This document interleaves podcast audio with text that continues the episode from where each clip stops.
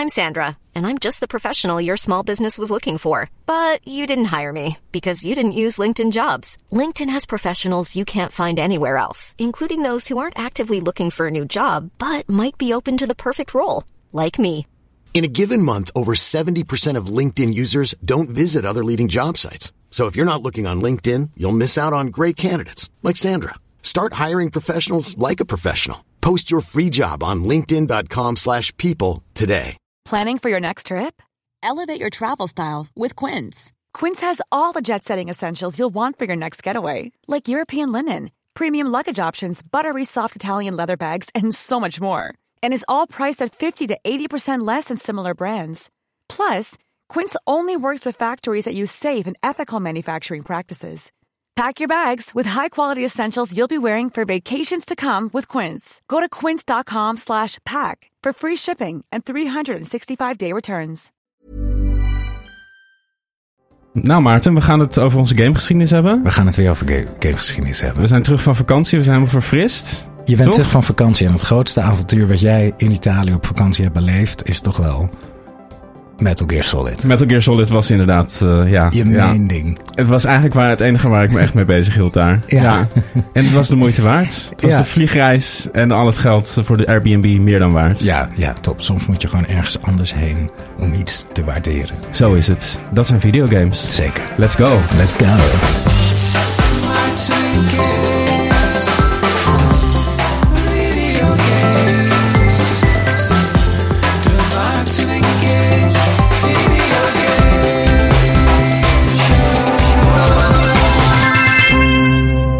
Daar zijn we weer, lieve luisteraars. Hallo. Dag, ja, ja, ja, we zijn weer terug. We waren er weer vorige week, we waren er stiekem toch wel eventjes. Ja, stiekem. Je kon het niet laten. Ik kon het niet laten. Ik zat daar eh, op die Italiaanse berg en ik dacht, ik, ik wil gewoon toch even podcasten. Ik moet hierover praten. Ik moet hier, ik moet het, eh, ik moet het, ja, ik kan het niet, eh, ik kan het niet voor me houden. Ja. Ik moet het in een, in een microfoon Ja. spitten, Ik zoals moet- rappers dat zeggen. Ik moet die 300 mensen die naar ons luisteren Precies. laten weten wat ik deze week weer vind Ja, want ze van kunnen- spelletjes. Ze kunnen niet zonder. Nee, Nee, dus ik Kunnen deed het, eh, nee, precies.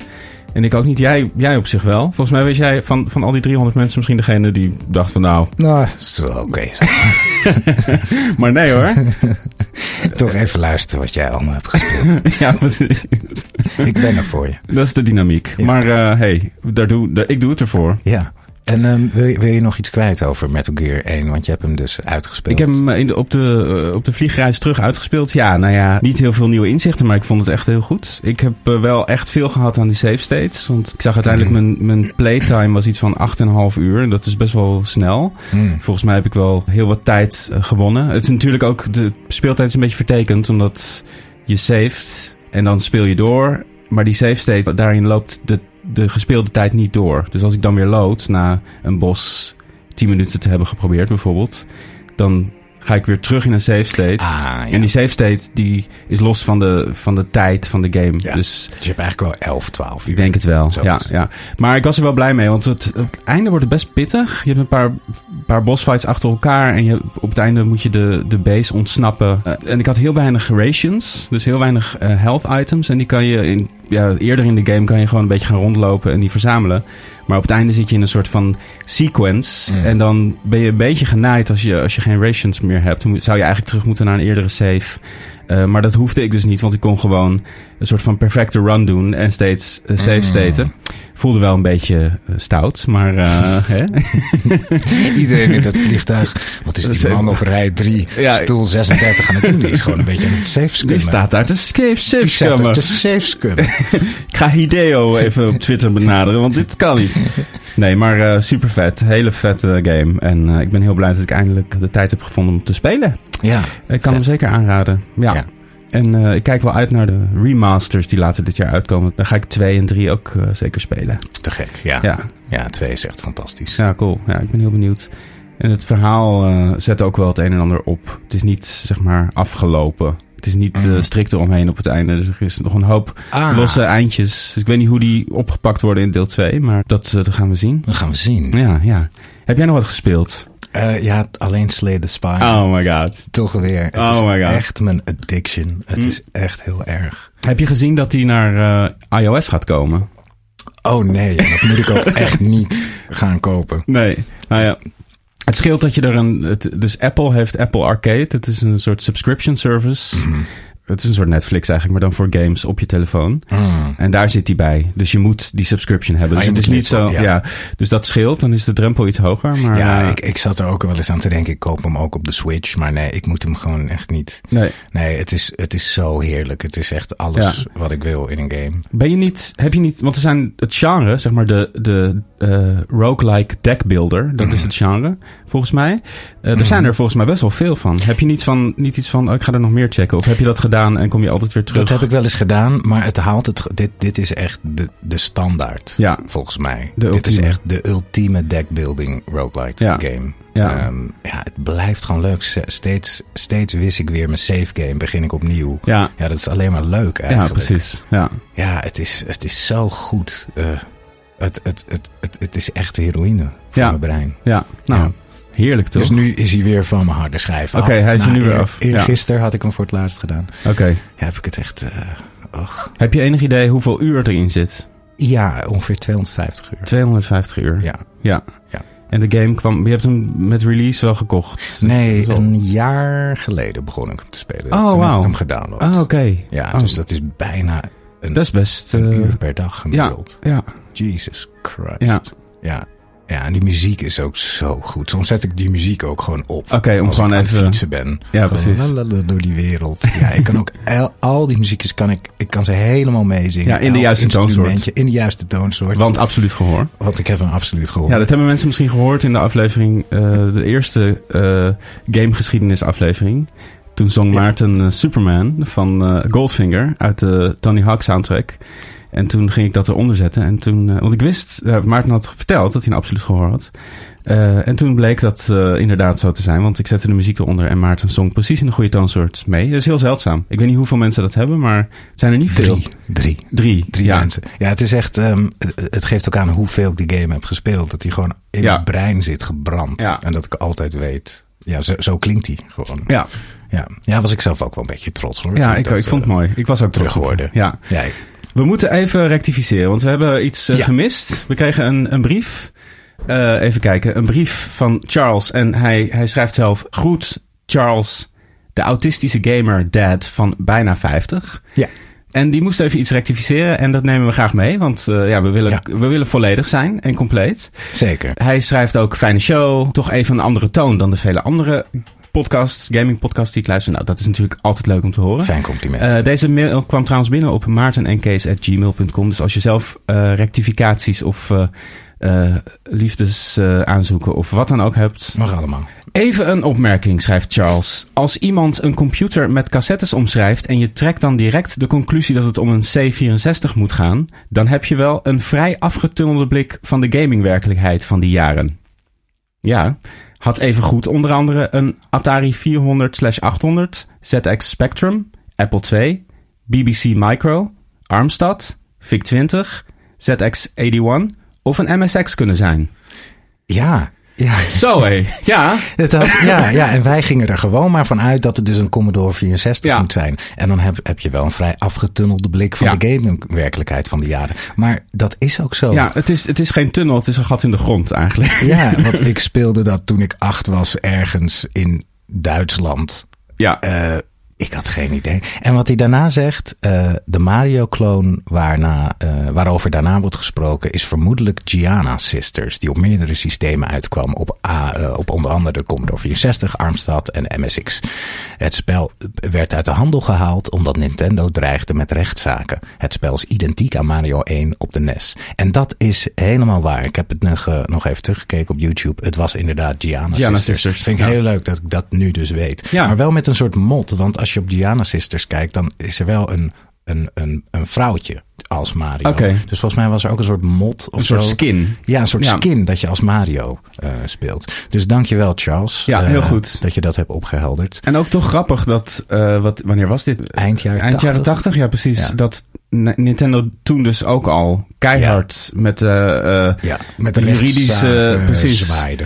Dreigden en zwaaiden met van alles eh, wat ze hadden. Want dat doen ze nog steeds. Dan zijn Ja. ze echt eh, eh, Heel streng. heel hard en streng en niet zo leuk ook van nee, Nintendo. vind ik ook zo raar. Want vaak Ook hele, hele lieve projecten van mensen Ja. die eh, dingen willen bewaren of eh fanart maken. Dan komen ze gewoon langs met een, eh, ja. met een enorm Met een leger. ja, precies. Maar bijvoorbeeld ehm, eh, al die Breath of the Wild mods, die zijn allemaal geweldig. Ja. Echt mijn droom is nog steeds, en ik hoopte dat het bij de aankondiging van Tears zo was, omdat je dan Zelda en Link samen zag, dat er een multiplayer modus. Ja, Wat mij zo heerlijk lijkt in de map van Breath of the Wild of Tears, is dat je gewoon allebei ergens eh, in die wereld bent. En mijn ultieme multiplayer is dan dat je, dat je wedstrijdjes doet. Dus dat je bijvoorbeeld op Mount Doom staat en wie als eerste in Gerudo Town is. super vet. Dat ja. lijkt me zo vet. Zijn er, er zijn vast wel mods voor multiplayer. Volgens mij zijn maar er.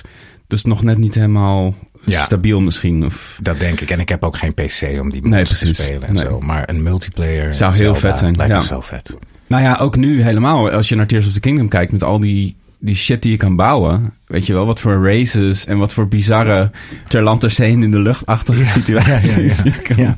ja, dat je snel iets in elkaar bouwt Ja. en dat een raket ergens naartoe vliegt. Ja. Eh, dat lijkt me zo gaaf. Ja, nou, who knows? Nintendo heeft raardere dingen gedaan. Dus misschien wordt de volgende Zelda wel... Of misschien een expansion. Ja, ik, waarschijnlijk niet. Ik zie het eigenlijk niet gebeuren. Maar, ja, ja. Wishful thinking. maar ik doe ook echt eigenlijk zo weinig wat er mogelijk eh, is met die blokkendoos Ja, Tears. same. Ik, ja. ik, ik bouw gewoon een beetje wat nodig is. Precies. En het lukt mij bijvoorbeeld niet om die bike te bouwen. Weet je wel? Gewoon twee Ja. van die ventilatoren met zo'n stuurknop. oh, die, weet ja, je die heb ik één keer gebouwd. En ik heb hem gebouwd, maar ik, ik kan er echt niet. Ik kan er niks mee. Nee, ik heb hem één keer gebouwd en dat lukte wel. Je moet hem, ja, ze moeten precies, ja, die, die fans moeten precies de, ja, dezelfde kant op kijken. Ja, ze moeten zo allebei precies. scheef. Ja. En dan, ja, maar dat lukt me niet. Omdat Ja, dit is een soort doen. design. Ja, ik zag het ook langskomen ergens. Iemand heeft een heel simpel ontwerp. Hè. Je hebt zo'n stuur, Ja. een soort step, maar Ja, dan met, alleen maar een platform. Ja, Eh, en met een, met een stuurtje. En daar zet je dan twee ventilatoren. één aan de voorkant en één aan de achterkant. En dat is een, ja, een soort luchtmotor eigenlijk. Heel briljant Ja, ontworpen. een Zo simpel. airbike. Luchtmotor. Ja. Als iemand nog tips heeft voor, voor de airbike. Mij, mij lukt het dus niet. Je moet ze echt exact goed plaatsen, volgens mij. Ja. Nou ja. ja, maar ja, hey. Oh, Ja. Charles, de autistische gamerdad van bijna Ja, 50. bedankt voor je brief. En, eh, voor brief. en we zijn meer brieven gekomen, maar we gaan, ja, we blijven het zeggen, maar we gaan eh, binnenkort, als we door onze gamegeschiedenis heen zijn, gaan we een, een, een fijne eh, brieven en vragenaflevering doen. Dus blijf vooral je vrie... Jezus. Blijf vooral je... Blijf je vliegen sturen. Blijf je vliegen en eh, braken sturen. Wie weet komt hij wel langs, maar goed. Niet alleen de Commodore 64 had, had cassettes. Had cassettes. Dat was dus een, ja, een heel ding. Ja, goed om te weten.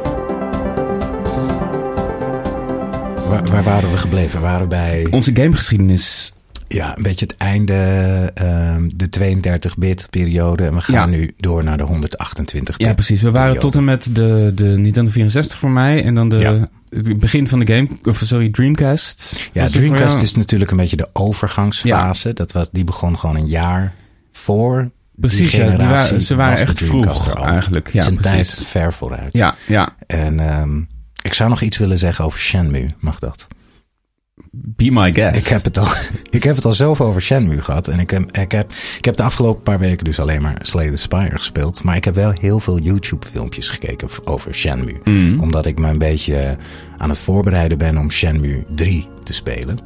Heb ik het daarover gehad, over Shenmue 3? Eh, volgens mij niet uitgebreid. Niet, niet uitgebreid. Dan ga ik het eens even doen. Omdat Shenmue staat zo ehm, symbool voor mij voor Sega. Dus zeg maar de, de, de prachtigheid ervan en het eh, onbeholpene ervan. Ehm, dus eh Yu Suzuki was een van de main developers van Sega. En die had ehm, in de vroege arcade jaren heeft hij games gemaakt als Space Harrier en Outrun. Al die ja, Sega arcade games. Toen ze eenmaal 3D gingen, was hij, hij heeft de eerste 3D vechter gemaakt met Virtua Fighter. Zeg maar de Sega tegenhanger van Tekken. Dat was ook in de arcade. Ook in de arcade. Ja, ja. En een van de launch games op de Sega Saturn. En dat was echt, wow, dit, is, dit zijn polygonen, dit is 3D. En het, ook een heel goed spel, Virtua Fighter. Dus hij heeft Virtua Fighter gemaakt en al die dingen. En, maar altijd in arcade eh, manier. Insert coin, snel potje. En zijn droom was om echt een epische game te maken. Meer dan zijn arcade games. En toen was het idee eerst dat je... Um, de, het hoofdpersonage uit Virtua Fighter is uh, Akira, heet hij. Dat is zeg maar de, de Ryu van Street Fighter. Zeg maar een beetje de, de bland... Uh, gewoon in een judo-pak. Ja. Zo'n zo persoon. En het idee was dat, dat hij een RPG maakte met als hoofdpersoon Akira uit Virtua Fighter. En dat het een ja, epische game werd met combat zoals een echte vechtgame. Dus de, dus de kwaliteit van een vechtgame in een, in een echte 3D-wereld. En toen zijn ze die gaan uh, developen op de Sega Saturn. Maar dat bleek gewoon helemaal niet te gaan. Er zijn nog op YouTube, kan je er filmpjes van zien. Van een, uh, van een uh, hoe noem je dat nou? Een, een prototype. Oh ja. En dan zie je dus al die scènes op de Sega Saturn. Maar toen, uh, nou ja, Sega Saturn ging langzaam, uh, die, die stierf af. Zij gaan overhevelen naar de, naar de Sega Dreamcast, waar, waarbij het wel kon, zo'n hele 3D-wereld. En nou ja, wat ik al in de vorige aflevering heb verteld, het weer klopte met die tijd. Speelt in de jaren 80 in een dorpje in Japan. En um, ze zeiden toen dat ze een nieuw genre hadden ontwikkeld, namelijk free. Full reactive eyes entertainment. Eyes entertainment. Eyes entertainment. entertainment voor je eyes. Ja, het is free en reactive eyes Ja. entertainment. Wat ze daarmee bedoelden was dat het meestal gaat het in gameplay. Eigenlijk gaat gameplay bijna altijd over movement in een 3D Mario doet dat heel goed, weet je. Hoe beweeg je? Wat, wat, wat zijn de physics? Daar zeiden ze, nee, wij willen een game maken die echt gaat om het bekijken. Dus je kan elk object oppakken. Je komt in een dorpje. Het gaat erom hoe leven die mensen? Hoe ziet het winkeltje eruit? Um, uh, ze wilde het heel erg daarop gooien. Waardoor het misschien ook niet zo goed verouderd is. Omdat graphics verouderen gewoon heel snel. Hmm. En gameplay veroudert wat minder snel. Um, wat zo tragisch is aan het spel is dat ze het, het was zo ambitieus. Hij had het idee uh, dat het uit volgens mij iets van 24 of 18 hoofdstukken zou bestaan. En Shenmue 1 was hoofdstuk 1. Oh dus ja. Het moest echt een saga van je welste worden. Ja. Zo, het was destijds de duurste game ooit gemaakt. 70 miljoen dollar. Zo. En ze zouden pas kiet spelen als elke Dreamcast-bezitter de game anderhalf keer zou kopen. Oh, ja. Dan zouden ze kiet spelen. Dus Oh. het, het vanuit zakelijk opzicht. Maar, natuurlijk, maar dat vind ik ook zo heerlijk Heel mooi. van Sega. Dat ze Ja. gewoon dat geld erin stopten. Ja. Maak de beste game ooit. Geweldig. Helemaal niet nagedacht over de financiële consequenties. Nee. Maar goed, hij kreeg dus een zak vol geld. Nog nooit was er zoveel geld besteed aan een game. Waardoor het zo gedetailleerd. En je kan boeken pakken. Je kan... Je kan ehm, uh, je kan, uh, als je bijvoorbeeld een afspraak met iemand hebt, ontmoet me om zes uur daar. Hmm. Um, er was een, een, interne klok, maar je, er zat geen wachtmodus in. Ah, dus ja. je moest dan echt tot zes uur s'avonds je tijd een beetje ver, ver, verdoen. Ja. En daarom hadden ze een arcade gemaakt waar je Outrun en Space Harrier Ja. kon spelen, die oude games. Vet. Um, nou ja, dat was dus chapter 1. Toen kwam Shenmue 2 uit, toen was de Dreamcast eigenlijk al dood. Is toch uitgekomen, dat waren chapter 2, 3 en 4. En uh, iets van vijf jaar geleden. Nou en, en toen stopte het, want Dreamcast ging dood. En toen kwamen we in de nieuwe generatie aan. En iets van vijf, zes, zeven jaar geleden werd op de E3 Shenmue 3 in één keer aangekondigd. En het publiek, they went wild. Ja. Van wow, het komt weer terug. En toen zat er toch een beetje een adder onder het Mhm. gras. Want het bleek een Kickstarter-project te zijn. Precies. Dus Yu Suzuki zei... We hebben geld nodig om dit te maken. Ja. En Sony had een beetje geld gegeven. Precies. En, um, En, en een, plek op het podium. Wat op het natuurlijk, podium. eh, ja. ja. En het resultaat is dus, ja, ik, ik, ik, hoor, ik, ik- lees op YouTube zoveel verschillende recensies van ja, het is helemaal crap. Het is alsof je uh, in de tijd stil, uh, hij is gewoon stil gaan staan in, dit, in de tijd. Dus het is een direct vervolg op Shenmue 2. Wat ergens is wat, wat de diehard fans heel erg willen. Ja. Maar ja, toch 15 jaar later moet je toch wel een beetje ontwikkeling tonen Ja. in je systemen. Maar dat heeft hij dus niet. Maar ik ben dus heel erg benieuwd of ik het vet ga vinden. Ja. Ik, ik vergelijk het een beetje misschien met. uh, uh, ook al is het slecht, ik wil het toch spelen. Omdat. Heb jij, heb jij de Matrix 4 gezien Nee. toevallig? Nee. Hou je van de Matrix? Uh, niet bijzonder. Nee, Niet ik heb bijzonder. het gezien, maar wow. Geen, geen diehard fan of wat Oh, dan ja. ook. ja, ik ben echt diehard fan van de Matrix Mhm. 1. Vind ik een van de beste films ooit gemaakt. De Matrix 2 en 3. Moi. Nee, Oké, ik snap dat ze zijn gemaakt, maar de druk werd denk ik een beetje hoog. En dat is een beetje mislukt, maar aardig. En toen ineens 20 jaar later kwam de Matrix 4. Ja. En dat is zo'n slechte film, Mm. maar wel zo'n interessante mislukking. Ik heb me ontzettend vermaakt tijdens het kijken van die film. Of eigenlijk niet. Ik dacht toen ik hem zag, wat is dit? En toen ging ik zo'n recensie op YouTube kijken en die man zei... Ja, maar je moet er eigenlijk naar kijken als een soort interessante mislukking. En Ja. toen ging ik weer eh, stukjes kijken. Dacht ik, oh ja, eigenlijk is het wel heel interessant. Want het, het is een beetje de Matrix 4. Alsof er een Kickstarter is begonnen.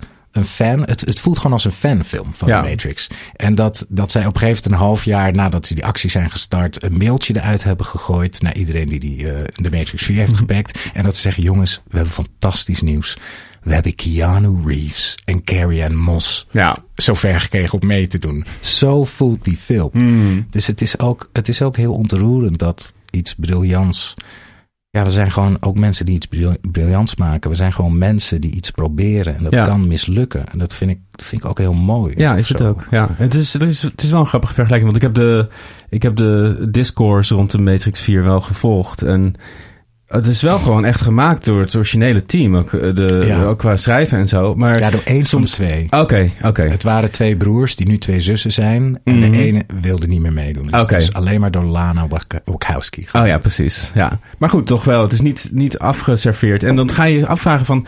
Misschien als het gewoon naar een slick development eh, studio was gegaan... die gewoon precies had gemaakt wat de fans hadden gewild, weet je wel. Dan was het misschien een film geweest die beter in de smaak was gevallen. Maar dit is misschien meer in lijn met... Ja, dit is meer in lijn met wat, wat de originele makers in hun hoofd hadden waarschijnlijk. Ja. Gek genoeg. Eh, dus dan kan je je ook afvragen van... Ook, ook zo'n Yu Suzuki die dan toch maar gewoon weer zijn oude stijl uit de kast pakt... En, en dat dan maakt wat dan in deze tijd...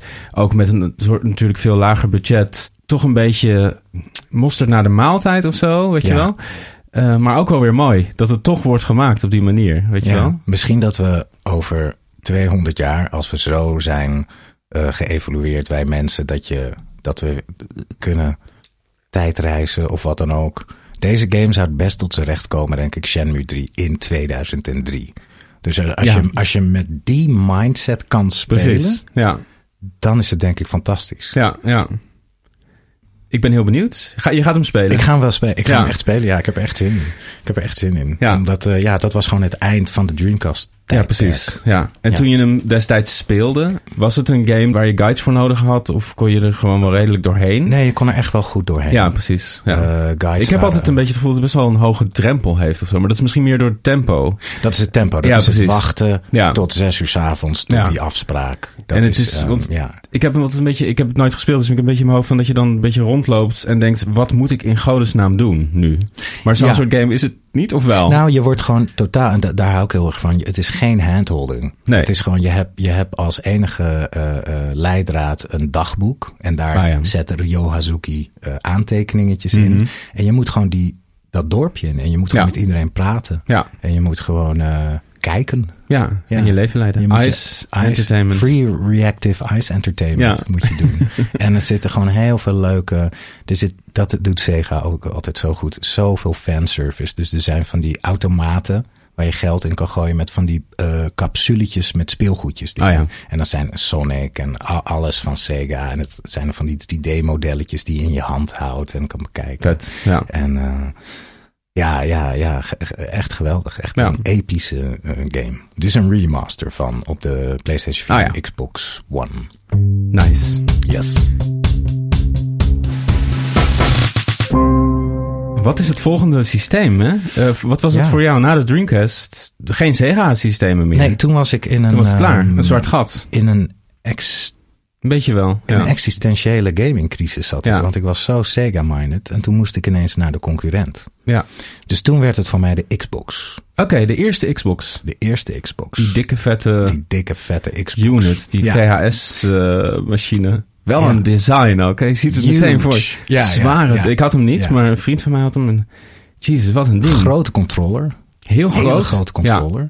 En dat was een beetje de eerste waar ik heen kon. Want ehm, dat werd toen dat was eigenlijk niet zo, maar door de Sega fanboys was dat een beetje de, werd dat gezien als de spirituele uh, uh, opvolger. Wat apart van eigenlijk. Van de Dreamcast. Omdat Omdat, het- uh, Microsoft had een deal met Sega gemaakt. Ah, ja. Microsoft heeft ook um, meegewerkt aan de hardware van de Dreamcast. Oh, echt? Oh, dat Ja. wist ik niet. Dat, die heeft het besturingssysteem geleverd. Oké. Dus toen hadden zij een deal. Shenmue 2 kwam, werd gepoord naar de Xbox. Jet Set Radio kwam een vervolg. ja. Jet Set Radio Future.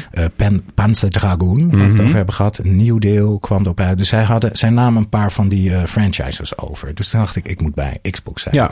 Maar ik had al vrij snel dat me gewoon niet helemaal trok of zo. Ik voelde je niet hem- thuis. ik voelde me niet thuis. Ik gebruikte hem eigenlijk het meest als DVD-speler. Ja. Was toen eigenlijk net nieuw, DVD's. En um, ik heb eigenlijk het meest getony hawked erop. Er was Tony Hawk 3 was erop uit. En toen ging ik, kocht ik een uh, Gamecube met Ah, ja. de Wind Waker. Een zilveren Gamecube met de Oh, Wind wow. Waker. Ja. En um, dat werd eigenlijk mijn console voor die generatie daarna. Ja. ja, voor mij ook. En ertussenin zat voor mij nog de, de Game Boy Advance ook. Oh ja. Ja, Die, ik, heb- want ik heb eigenlijk altijd ook best wel veel handhelds uh, gespeeld. Mhm. Game Boy Advance, de Nintendo DS, die heb ik eigenlijk allemaal wel gehad. Uh, ik, ik wou nog één ding zeggen over de, over de Xbox. Dat zo grappig is Mhm. dat Microsoft tot de dag van vandaag zoveel moeite doet om de Japanse markt te, uh, te, paaien. te paaien. En dat lukt gewoon nooit. Is altijd, ja, als je ja. ook verkoopcijfers ziet van ook de nieuwe Xbox, dat is echt treurig. Het zijn een paar duizend exemplaren volgens mij. Dan gaat het Mm. misschien omhoog als ze af en toe weer een, een, een exclusive, want ze steken best wel geld in ook Japanse exclusives. En dat hebben ze altijd al gedaan. Het wil maar niet Nee, lukken. die Japanners blieven het nee, gewoon niet. die hoeven die zooi gewoon ja, niet. die hebben nee. al Sony en Nintendo. ja, meer dan genoeg. En ze willen het niet. Ja, nee, maar goed, dat, dat vind ik toch wel grappig dat dat ook nog steeds. Ja. Als een, in zo'n snel veranderende wereld zijn er toch bepaalde dingen die, zeg maar, Nintendo die, die mensen aanklaagt die hun games uh, namaken en, en Microsoft die het probeert in de Japanse markt. Sommige dingen veranderen nooit. Maar hebben ze daar dan, vraag ik me af, in Japan niet gewoon op een random kantoor gewoon uh, PC's met Windows? Als besturingssysteem. Dat denk ik wel. Dat lijkt me wel. Ja, inderdaad. ja dus dat denk zou, ik ook.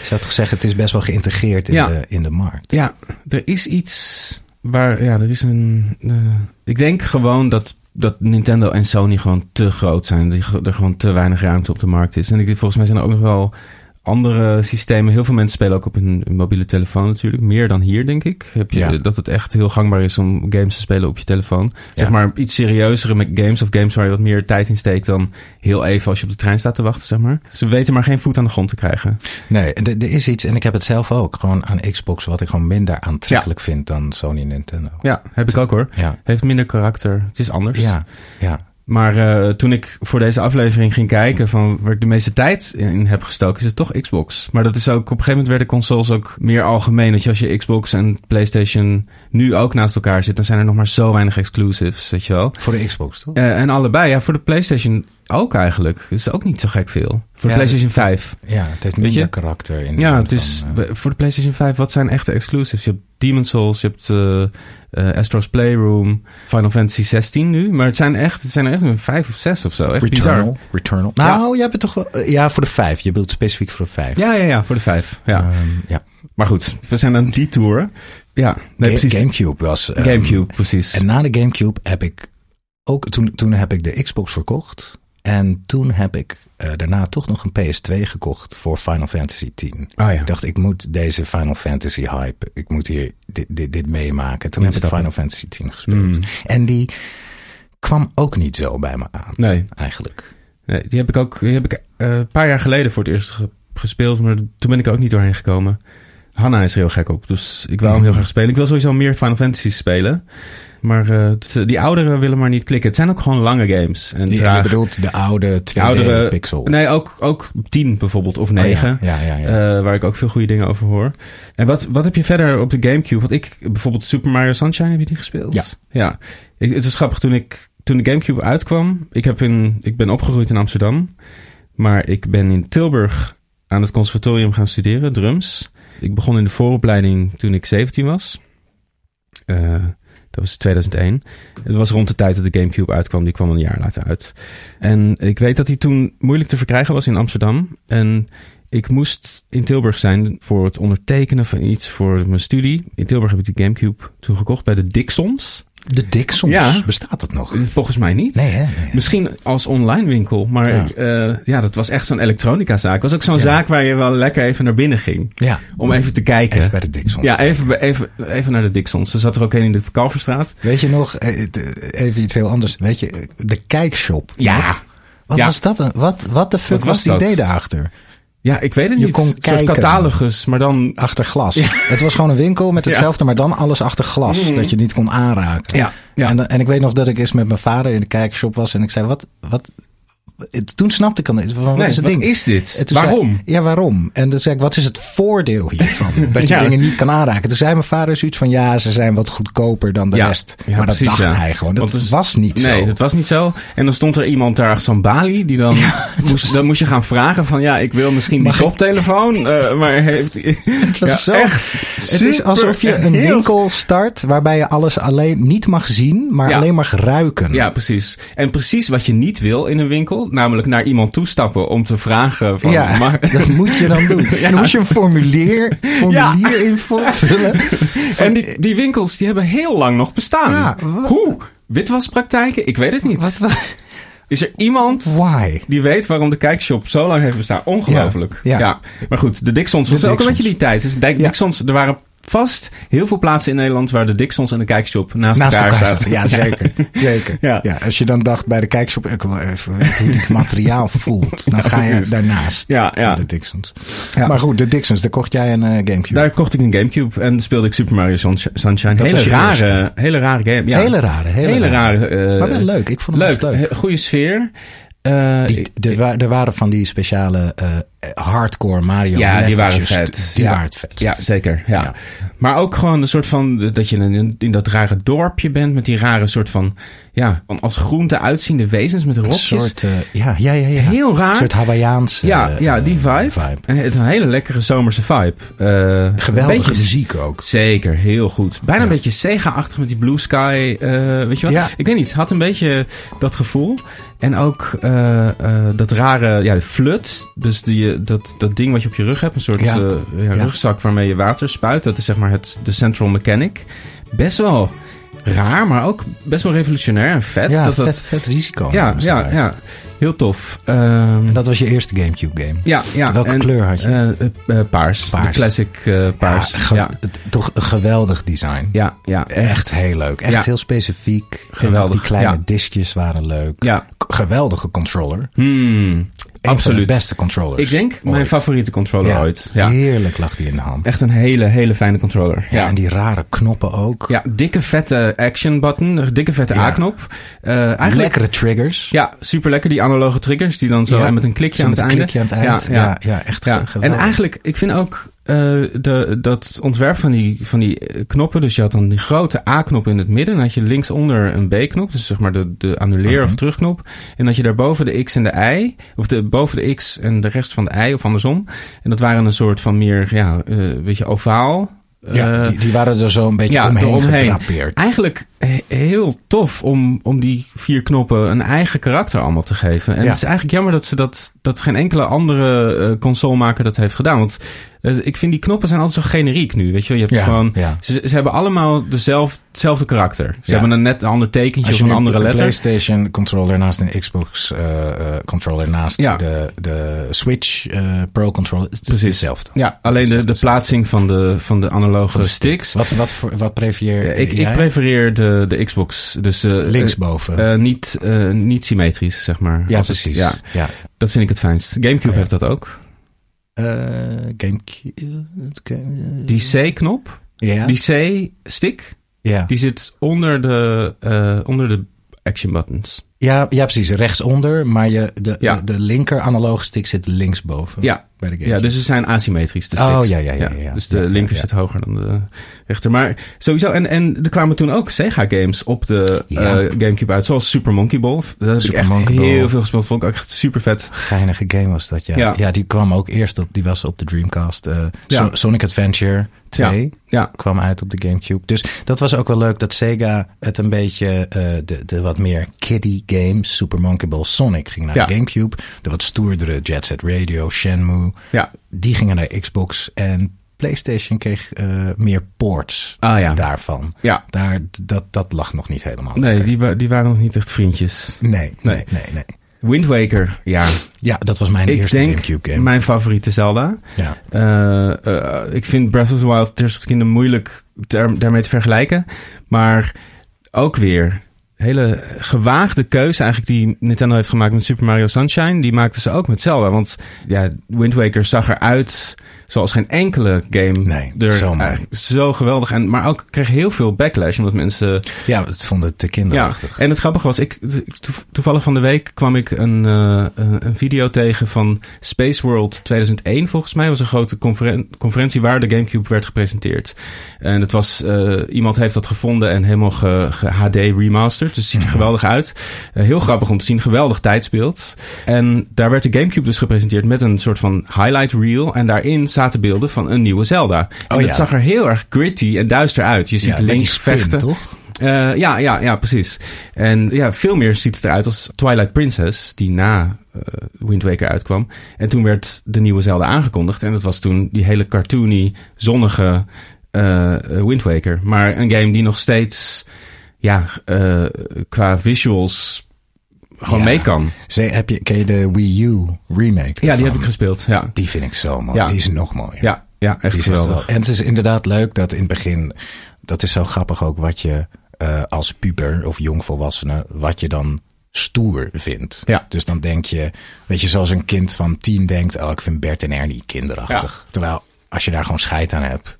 Precies. denk je, dit is Bert is geweldig. Ja. En dat was ook met die, de Wind Waker. Zo van, oh, dit is kiddie. Ja. Terwijl daarna kwam Twilight Princess. En eh Wind Waker is veel beter verouderd. Dan, Ja. eh, die wordt eh, veel hoger nu gezien dan Absoluut. Twilight Princess. Ja. En Twilight Princess was, was weer een reactie op Ja. die reactie. Ja, precies. Het was Nintendo die zei, oh, oké, jullie willen... eh, Volwassen. Ja, oké, gaan we dat doen. Gaan we dat doen. Eh, grappig, want normaal luistert Nintendo niet. En misschien hebben ze, hadden ze dit plan al lang liggen om... om Nee, ik heb gelezen dat, dat het voor ehm, de, de director van Zelda sinds Wind Waker... hoe, hoe heet die nou? Anu, Aonuma. Anuma. Anuma. Ja, Eiji Anuma. Eiji Anuma. Ik heb wel eens eh, in een interview gelezen dat hij eh, Twilight Princess dat het echt een opdracht was van Nintendo. Dus Ja. meestal mocht hij gewoon bedenken hoe gaat de nieuwe Zelda, maar dat het nu was, het moet weer terug naar Ocarina of Time. Je moet gewoon een betere versie maken van Hmm. Ja. Ocarina of Time. Ja.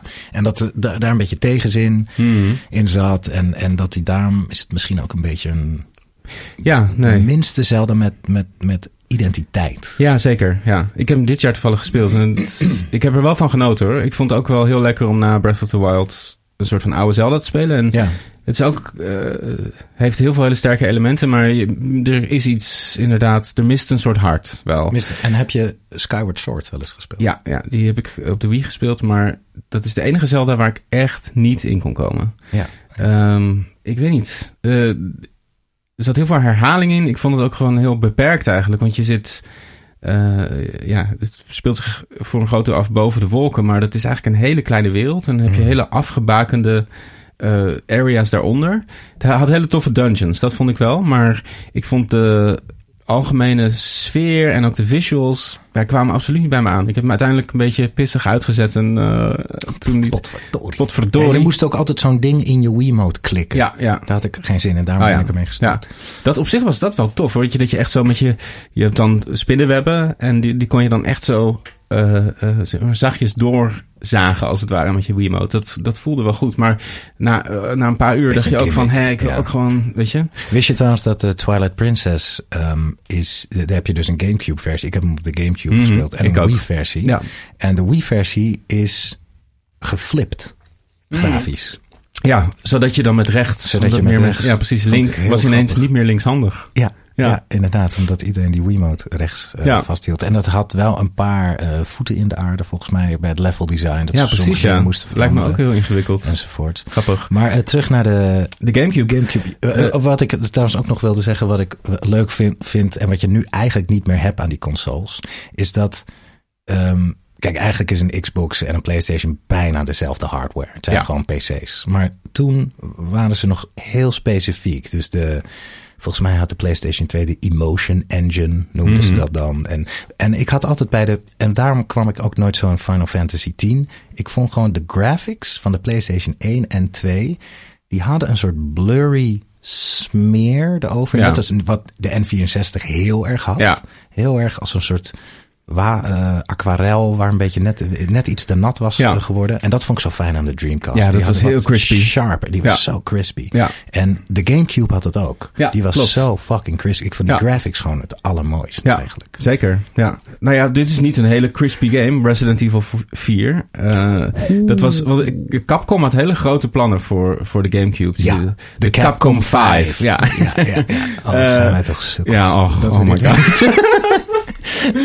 De Capcom 5. Ja, Ja, oh, dat- en ze kwamen niet eens alle vijf nee, uit. de- nee, precies. Ik heb er volgens mij eh, eh, maar twee ook van gespeeld toen. De Resident Evil 4 en Beautiful, Beautiful Joe. Joe, Geweldige side-scrolling fighter. Super, ja, echt heel... Bullet time. Ja, Echt een game game. Ja, heel gamey. Heel comic ook. Echt Ja. een soort visu- audiovisueel eh, spektakel. Een constante eh, overload van kleuren en sounds. En dat je echt af en toe moet kijken waar je character is. Heel bold eh, eh, character design. Een soort van, ja, dude.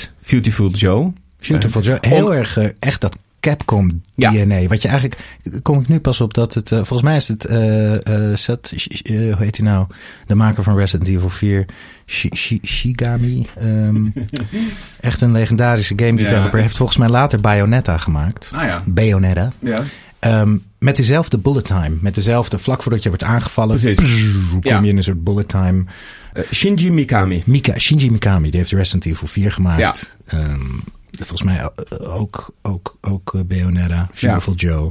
Ik vond dat toen die uitkwam, dacht ik, eh, ik ben, weet je, ik ben nu eh, een volwassene, of ik was rond de twintig, en er kwam eindelijk een zo'n soort game voor het eerst naar een Nintendo console. Tenminste, zo voelde Ja. het voor mij. Dat ik dacht, oh, weet je, weet je, we doen ertoe als Nintendo. We zijn opgegroeid. Ja, we zijn grote ja. mensen geworden. En, Ah, dit is, en ik vond Resident Evil 4 ook echt zo ongelooflijk vet. De sfeer. Oh. En, en dat, ja, dat camera-standpunt, dat heeft zoveel invloed gehad ook op, op games daarna. Ja, tot tot, tot aan, weet je, Gears of War of... Een eh, hele nieuwe eh, generatie dat, eh, is dat Eh, gestart.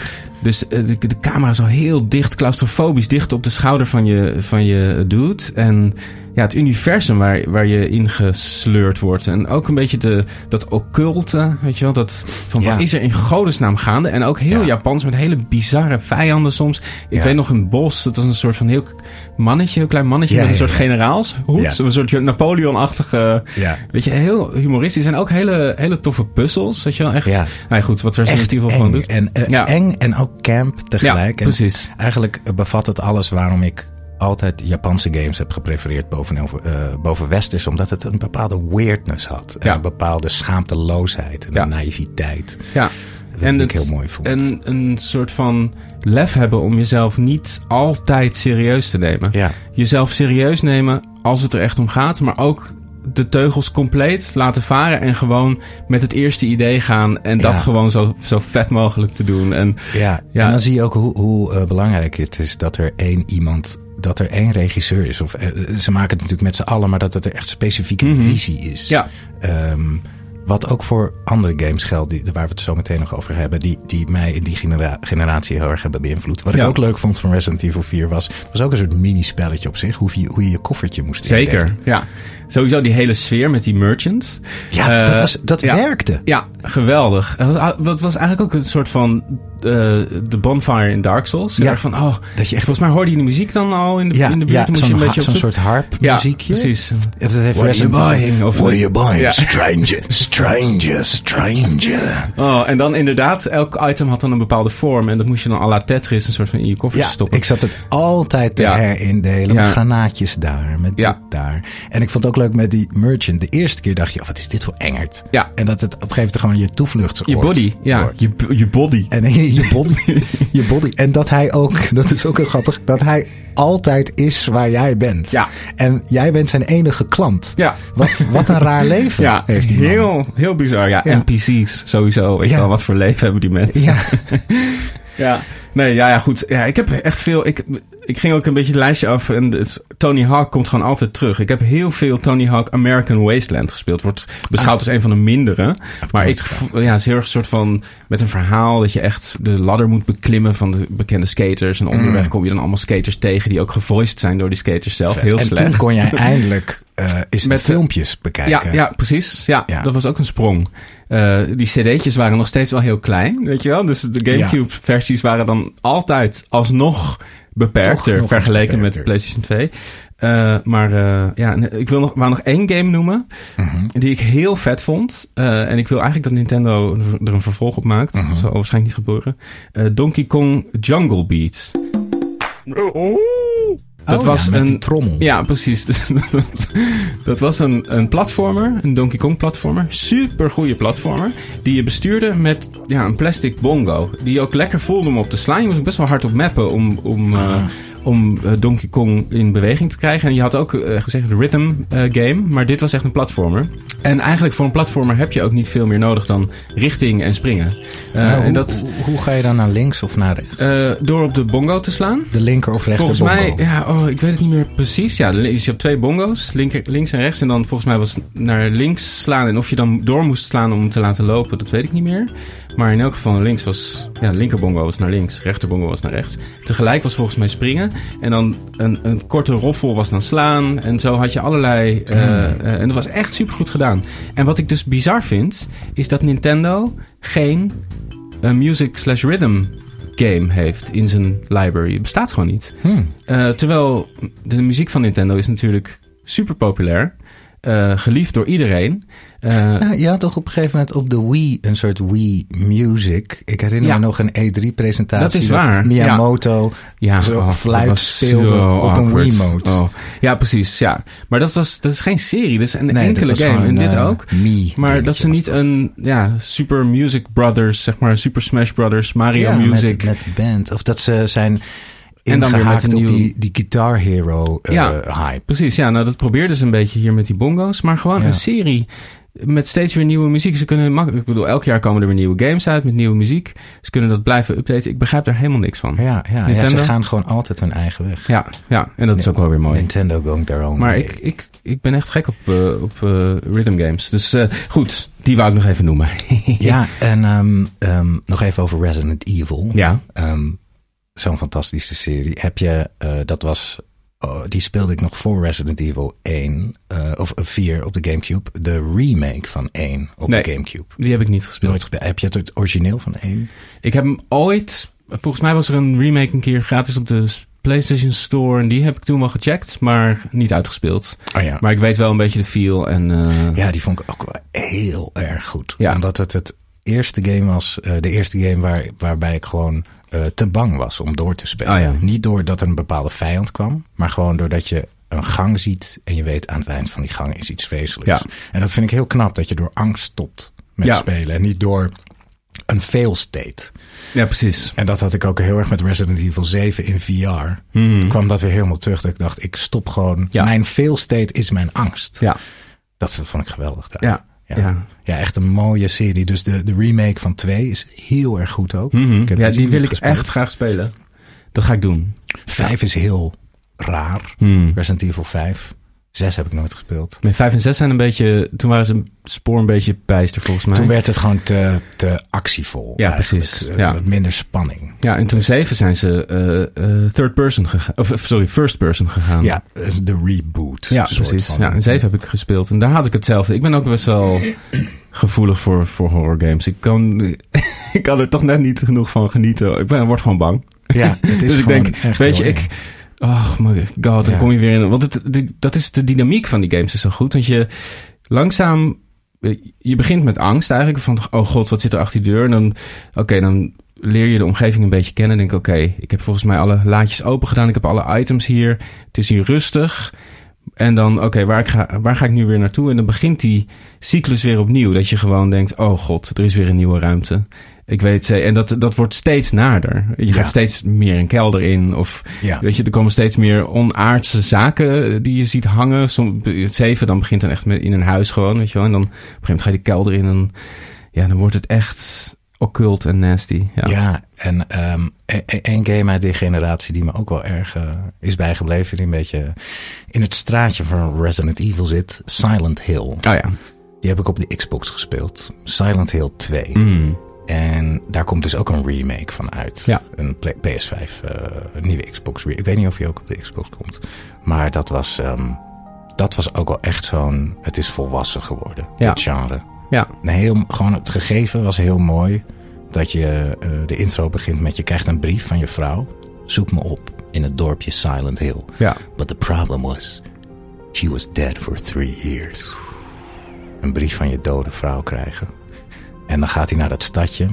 En ehm, ja, het is, het is fantastisch. De vijanden die je... Je, je hebt een radio op, op zak.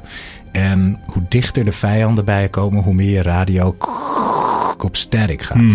Maar de, de, er hangt in Silent Hill in het dorpje een mist. En Ah, ja. die mist werd gewoon geïntroduceerd... omdat het grafisch niet zo capabel was, de PS2... om het allemaal in detail weer te geven. Ja. Maar die mist werkt zo goed. Want Ja. je, je kan zeg maar 10 meter om je heen kijken... en hoor je die radio gaan.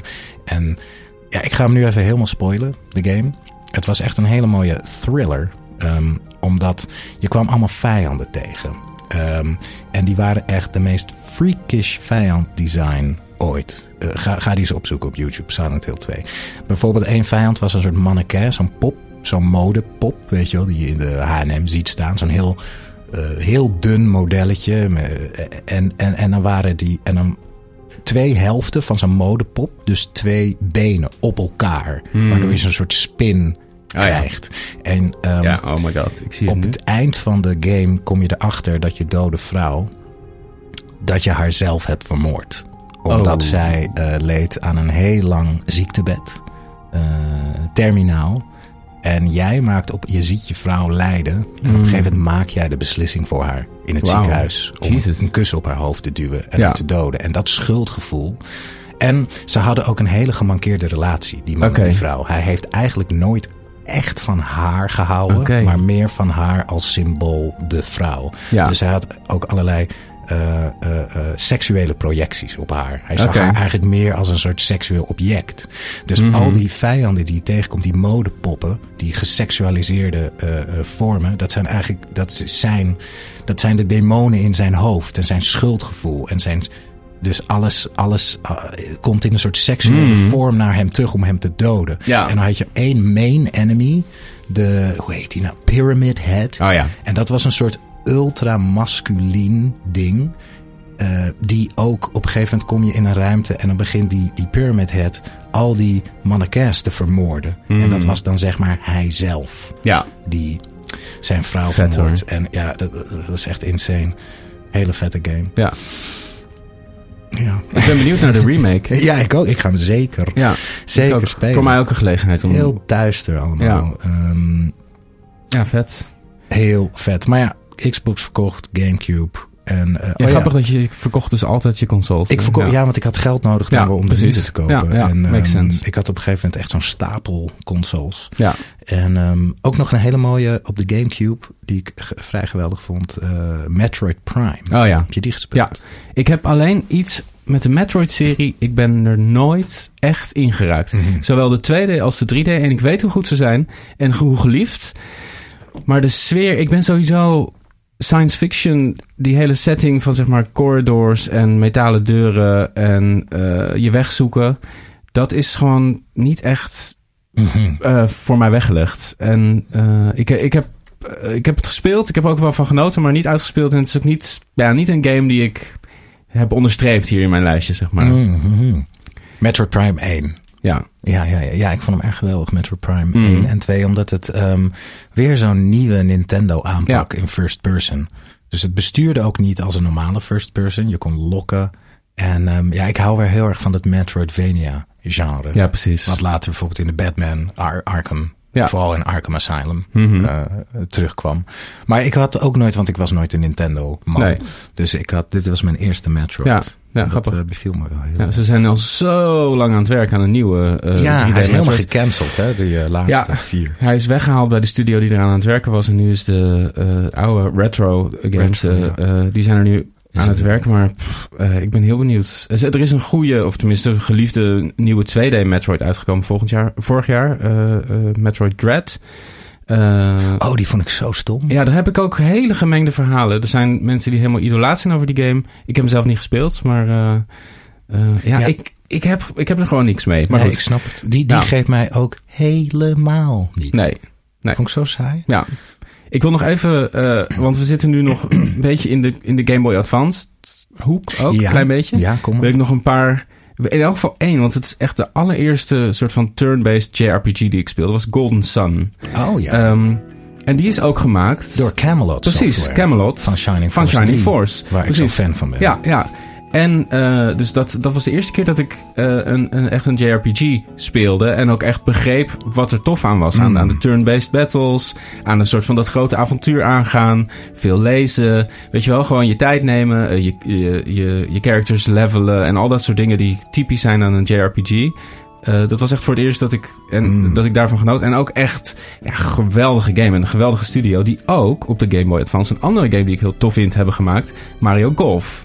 Advanced oh, World Tour. Ja, en dat is. Ja, en die is. Uh, uh, dat, dat is dus een golfgame in het Mario-universum. Met heel veel RPG-elementen. Ah. Dus jij bent eigenlijk als een soort gewoon normaal yogi. Kom je aan op de, op de, uh, op de golfbaan. golfbaan. En Ja. langzaam. Ja, golf je je weg omhoog. Om uiteindelijk in echt het Mario-universum uh, uh, te battelen. Oh, tussen uh, alle Mario-characters. Super goede golfmechanics. Ik hou ook wel van golfgames in het algemeen. Hebben een soort zen. Weet je wel, gewoon Mhm. een metertje op de juiste plek stopzetten. En een beetje op de wind letten. Een beetje een curve aan de bal geven. En dan maar gaan. En dan kijken waar die, waar die neerkomt. Heb je wel eens echt gegolfd ook? Nee, nooit. Nee. Jij? Nee. Nee. Nee, kan ik me ook echt niet Nee, voorstellen. ik ook niet. Dat ik ga golfen. Nee, ik ook niet. Maar ja, Wel minigolf. ja dat vind ik ook wel leuk. Ja, dat Ja. vind ik ook lachen. Op zich. Ja. Wel. Ja. Ja, Maar echt hoe, groot hoe golfen? benevelder je bent, hoe, hoe Ja. leuker minigolf Precies, ja. ja. Ehm, Doen ze trouwens ook best wel vaak goed, vind ik, Nintendo. Die, dat outsourcen van Ja. de Mario games. ja, zeker. Want het is toch echt hun... Het is best wel risicovol. Ja, zeker. Zeg maar. Ja, dat ze dat eh, aandurven. Ja, goed, dit is nog wel redelijk dicht op de borst. Want eh, wat ze trouwens, wat, nog even terugkomen op mu- muziekgames. Mhm. Eh, ze hebben wel Cadence of Hyrule eh, gemaakt. Dat is, of dat is niet door Nintendo gemaakt, maar ze hebben de, de Zelda-license uitgeleend aan de studio van Crypt of the Necrodancer. Dat is een Mhm. indie eh, eh, soort battler slash muziekgame. Dus het bestaat wel, eh, muziekgames, dat wou ik nog even zeggen. Die heb ik trouwens ook. Die moet ik nog spelen, want die wil ik... eh, het ziet er heel goed uit. Goed, dat terzijde. En ik heb uiteindelijk een GBA-game gespeeld, veel later. En dat was mijn eerste Pokémon-game.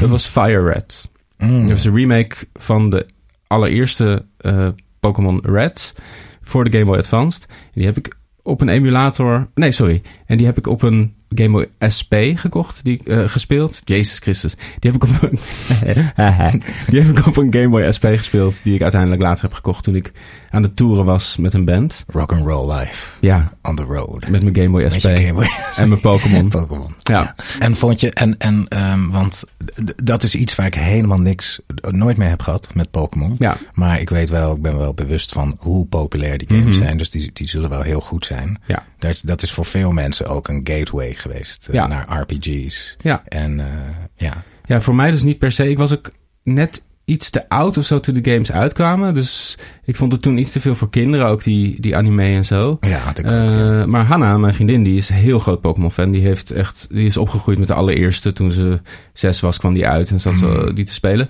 Dus voor haar was dat echt de allereerste grote gameliefde. En toen ik haar leerde kennen, toen zei zij... ja, je moet echt een keer een Pokémon... Het kan gewoon niet dat je geen Hmm. Pokémon-game game hebt gespeeld. Toen ben ik die gaan spelen. En sowieso, nu ik het toch over haar heb... Ik heb, ben vrij weinig vrijgezel geweest. Er zat altijd weinig tijd tussen mijn verschillende eh exen of vriendinnen. En Hanna was de eerste die echt heel erg van games hield. En heel erg van gamen. Die ook echt zelf gamede. En mijn vriendinnen daarvoor, daar woonde ik ook mee samen. Ja, daar was eigenlijk weinig ruimte voor mij om lekker veel te gamen. Mhm. Dat speelt best wel een grote rol. Dus eigenlijk in deze periode, zo die Gamecube, moest ik het echt een beetje tussenfrotten. Maar het is best wel een ding. Als je in een relatie bent en jij bent echt... Ik ben altijd echt gek geweest op gamen. Maar je partner is dat totaal niet. En Ja. die begrijpt het ook eigenlijk niet. Nee, dus, dus dan klopt, is het ja. best wel ingewikkeld Ja. om daar iets mee te doen. Want je, je gaat ook je gaat je best doen om iemand te overtuigen. Ook soms dan denk je van, oké, ik ga gewoon, weet je, we gaan Mario Party spelen, we gaan Mario Kart. Oké, dat valt niet echt. Oh, we gaan, we gaan... eh, Dat je die games echt uitzoekt. Op ja, dit oh, misschien is dit het wel. Oh, Ja. oh, misschien moet het juist iets ingewikkelder zijn. Of misschien, en dan ja, de hele tijd weer van, nee, het wordt het niet. En de, de aandacht dwaalt af, weet je wel. Ja, een Eh, beetje, beetje wat je hebt als je bijvoorbeeld iemand een YouTube-filmpje laat zien. Wat Ja. je zelf heel grappig vindt. Oké, Ja. kijk dit. En dan sta je daar zo twee minuten met die telefoon in je hand en zie je zo'n blik. Mhm, Ja, mhm. mhm. oh ja. Heel erg is dat Ja, gevoel. oh ja, ja, ja, precies. Ja. En daar ben ik nu van bevrijd. Want ik, dat- we hebben het heel veel over games en we spelen heel veel samen. Dat is super fijn.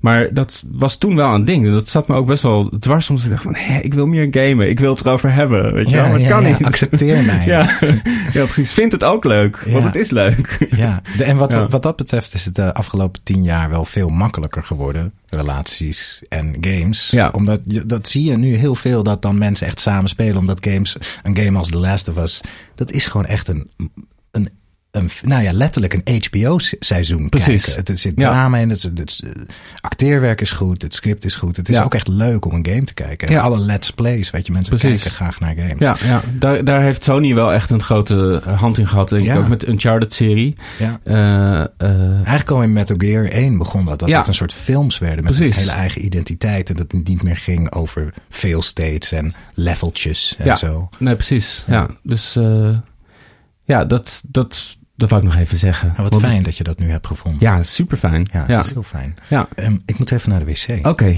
dan, eh, dan gooi ik er even een bumpertje in. Ja.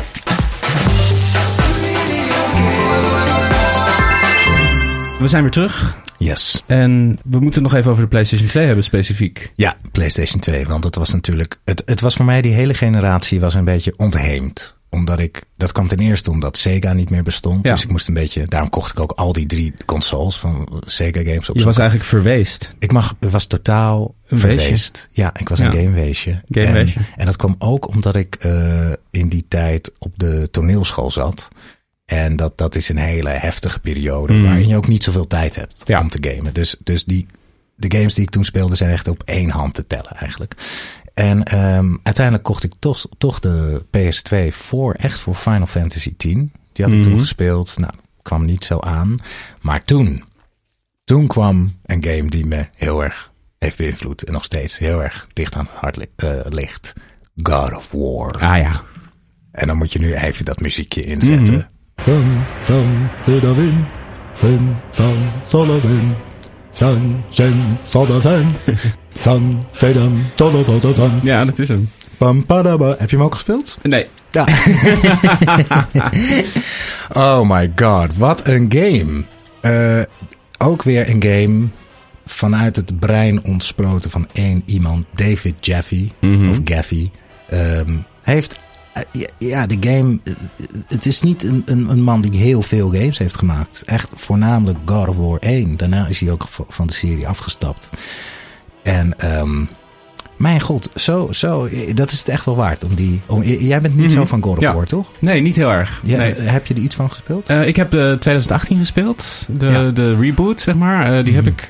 Ja, dat is een zo'n game die ik tot, tot 90% heb gespeeld en toen niet heb uitgespeeld. Ja. Eh, maar die oude niet. Nee, dat heeft me nooit echt getrokken. Eh, nee. De oude liggen mij eh, ja, meer aan het hart dan de nieuwe. Ik snap de nieuwe en een soort eh, de, de, de, de euforie der- die daaromheen eh was. Maar de oude is gewoon recht toe recht aan. Het pretendeert niet meer te zijn dan wat het is. Het Gewoon een hele vette actiegame. hele vette actiegame, maar wel met een soort. Maar het is niet brainless. Het Nee. is de, de verhalen. daar- Het is echt een Griekse tragedie. Het is Mhm. met name één. Is, Ja.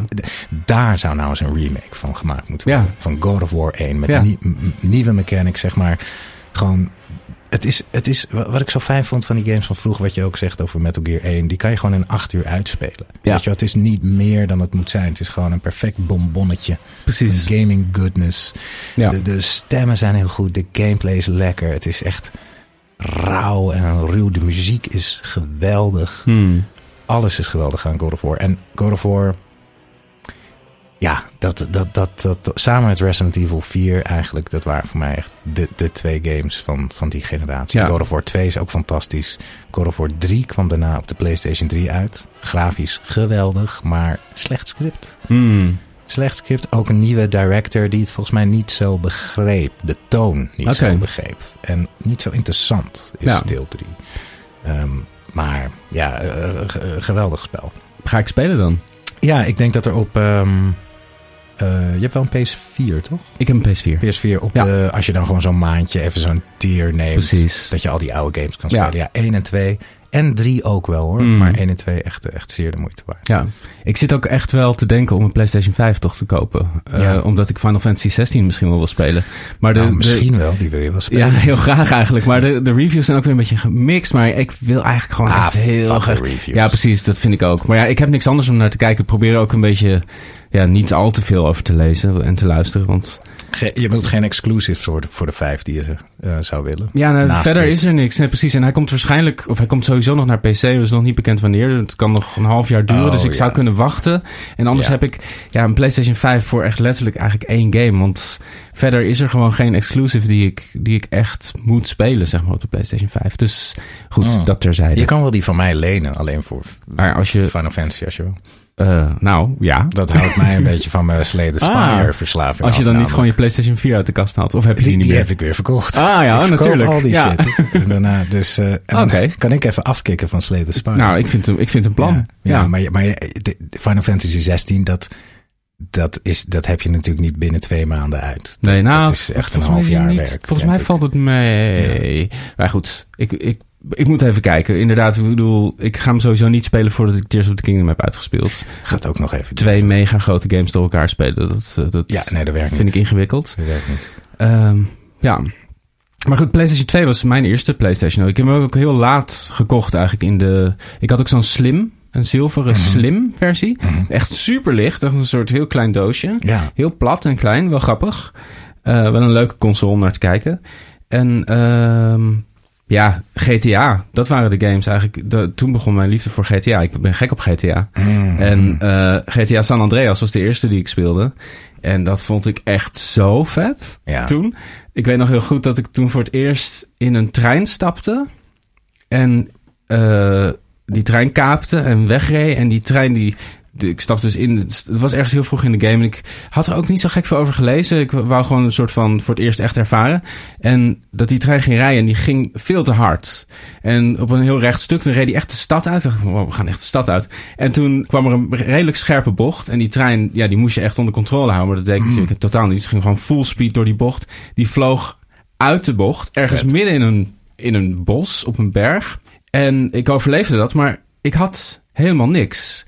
Er was geen vervoer. Die Nee. trein die lag in de, in, aan diggelen. Dus we voelden het echt alsof ik ja, een soort trek door de woods moest maken. Totdat ik ergens in de verte een, een tractortje hoorde. En er was een soort oude man die op zo'n tractor door het, door het Amerikaanse platteland reed. Eh, ik trok die man natuurlijk van zijn tractor af. Hoppa, zoals dat gaat. En ik was ineens in een heel ander deel van de wereld. Met een dorpje waar ook weer winkeltjes waren. Ja, ja. En ja, dat vond ik zo ongelooflijk vet. Echt die, ja, echt een grote wereld met verschillende steden, met daartussen platteland. Nou ja, ik wist niet wat ik meemaakte. Ongelooflijk, ja. Ja, dus ja, dat was mij, voor mij wel echt de knaller op de PlayStation 2. En ook wat meer, zeg maar, wat interessantere, ook Japanse games. Eh Ico, of Ico, hoe je het ook wil noemen. Oeh, ja. Ja, was Ja. PlayStation 2 ook. Heb ik ook. Ja, die, ja. die ben ik helemaal vergeten. Die, speel, die speelde ik ook op Ook PS2. echt heel indrukwekkend. Wat een mooie game Heel mooi, heel sfeervol. Soms ook wel een beetje frustrerend. Ik heb, de, ik heb hem nog een keer herspeeld en dacht ik... Oeh, dit is toch ook best wel taai met moeilijke camera-standpunten. En Ja. eh, mechanics die... Dat je denkt, oh, kom op. Dat, je, dat de game niet altijd doet wat je wil. Maar qua sfeer, muziek, verhaal... Een soort van, ja... Ook zonder spraak een heel verhaal vertellen was ook best wel nieuw toen. Zonder enige tekst of iets. Ja, precies. Met van die, ja, die kreten. Die zo galmen door die, door die grote lege ruimtes. Ja, echt, echt een kunstwerk. Heel, heb je het eh, heel mooi. vervolg ook gespeeld? En Shadow of the Colossus, nee, die heb ik niet gespeeld. Eh, eh, maar ik heb eh, The Last Guardian wel gespeeld, de derde. Die vond ik ook Mm. wel weer heel vet, dat was de PlayStation 4. Als je, en, ergerde je aan, bij The Last Guardian aan de... Die was technisch een beetje wonky toen hij uitkwam. Nou ja, het het, een beetje hetzelfde probleem eigenlijk. Dat, maar de, eigenlijk de centrale mechanic daarvan was bijna dat je moest omgaan met het feit dat je een wezen had die niet altijd naar je luisterde. Ja, dat is echt Eh. Ja. Dus als je die rust vond om te denken: oké, dit is gewoon een beest en dat begrijpt niet altijd wat ik wil, maar ik heb het beest echt nodig, dan Ja, geduld. ja, precies. Dan kon het, dan kon je, dan kon, toen kwam ik er wel echt in. Ehm, Heb je hem uitgespeeld? Ja, ja. Eh, mocht je hem nog een keer willen spelen, dat is misschien een reden om PS5 nog te halen. Mhm. Hij is in 60 frames per seconde. Ah. Een stabiele 60 frames per seconde dat op de is wel- PS5. Echt nice. Ja, Ja. een soort patch. Hele rare patch. Want hoe zit het nou? Dat heeft Assassin's Creed eh, Unity in Parijs ook op de PS5. Volgens mij is dat op de Xbox allemaal veel makkelijker. Als je dan zo'n oude Xbox One speelt, Ja, gaat hij in 60 frames per seconde. ja, volgens mij wel. Bij de PS5 Ja. moet je dan allerlei rare trucs. Dan moet je, wat moet je nou doen? Ja, je moet de patch niet downloaden. Oké. Maar als je de disk erin doet, dan gaat hij meteen die patch downloaden. Dus dan moet je hem, moet je hem Oh, stoppen. nee. Hè, en bizar. elke keer als je hem gaat spelen, moet je die patch stoppen.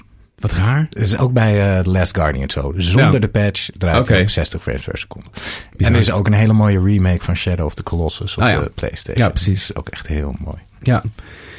Ja. Nou ja, mooi systeem ook, PlayStation 2. Bizar veel games voor uitgekomen. Ja. Maar voor mij, ja, ook wat jij zegt, ik, ik was toen ook aan het studeren. En ik had ook gewoon, ja, niet heel veel tijd om te spelen. Ja. Ehm, maar ik bleef toch heel veel gamen. En ik toen, ik weet ook nog heel goed toen ik in Tilburg, ik had altijd een abonnement op de Power Unlimited. Dat heb ik echt 10, Mhm. 15 jaar gehad. Mhm. En las ik altijd eh, ja, gewoon helemaal van A tot Z uit, elke letter. Eh, en, en maar toen begon ik ook weer iets meer Amerikaanse websites te lezen. En af en toe ook. ehm, of toen ontdekte ik ook The Edge. eh, een, een, ook een gamingblad waar ik nog steeds op geabonneerd ben. Wat eh, ja, vergeleken met de Power Limited echt. kan je eigenlijk niet met elkaar vergelijken. Nee, The Edge is echt een. Ja, geweldig. Heel mooi vormgegeven. Heel mooi dik papier. En echt geweldige interviews. Echt diepte, diepte artikelen over games die al langer uit zijn. En super, echt een hele goede eh, redactie gewoon, vind ik. Eh, Ja, ja, en het was vroeger ook echt, betekende het iets als de Edge een 10 gaf. Zeker. Ja, en nog steeds wel. Ja. Eh, Een Edge 10 was Ja. echt... Ja. Ja, zeker. Dus, en ik weet nog heel goed dat ik een, een artikel las in de Power Limited. En ik dacht, wat, waarom lees ik dit nog? En toen heb Ja. ik hem weggelegd en nooit meer eh, teruggekeken. Ja. Eh, dus- met, maar- met alle respect voor de Power zeker, nee, nee. Want ik, Ja, en, dat is ik heb het hun, ook... Hun markt is Ja. gewoon heel erg, vol- volgens mij, eh 12 tot 18 of Precies, zo. ja, ja, en dat is Ehm, ook heel goed. Het is, ja. heeft mij ook echt heel veel gebracht hoor, de Limited. Zeker, Het was, ja. Ik heb het ook heel veel gelezen. Ja, ja, en ook echt een goed blad. Maar het, ik, ik was er voorbij, zeg maar. Ik was die 18 er voorbij. En eh, toen, toen las ik eigenlijk meer over games eh, dan dat ik ze speelde eh, in die tijd. Ja. Om verschillende redenen. Maar goed, ja, dat was een beetje deze generatie. Hè? Wat zullen we doen? We zijn al best wel ruim in de tijd. Zullen we het hier misschien Bij laten? even laten en dan, volgende week... weer door met de, met de generatie daarna. ja, de dat is Wii, goed. de Xbox 360, de PlayStation 3. En de Wii. Ja, precies. En de Game Boy DS. Ja, de. DS. Oeh, Ja. la la. Oeh, Ja, ja, ja. Ja, ja, ja, ja. Oh. Trouwens, nog één ding wat ik... eh, neem je de groep? Ja, zeker. Lopen we nog? Wat, We wat ik nog wil zeggen over die magazines. Ik was dus, omdat ik zo'n eh, eenzame Sega-nerd was... heel erg ehm, veroordeeld tot de Engelstalige magazine-markt. Mhm. En je had dus official Sega Saturn magazine. Ah ja. Dat was dan het officiële Sega-blad. Maar, maar dat was... de- Blad? Blad. Sega-blad.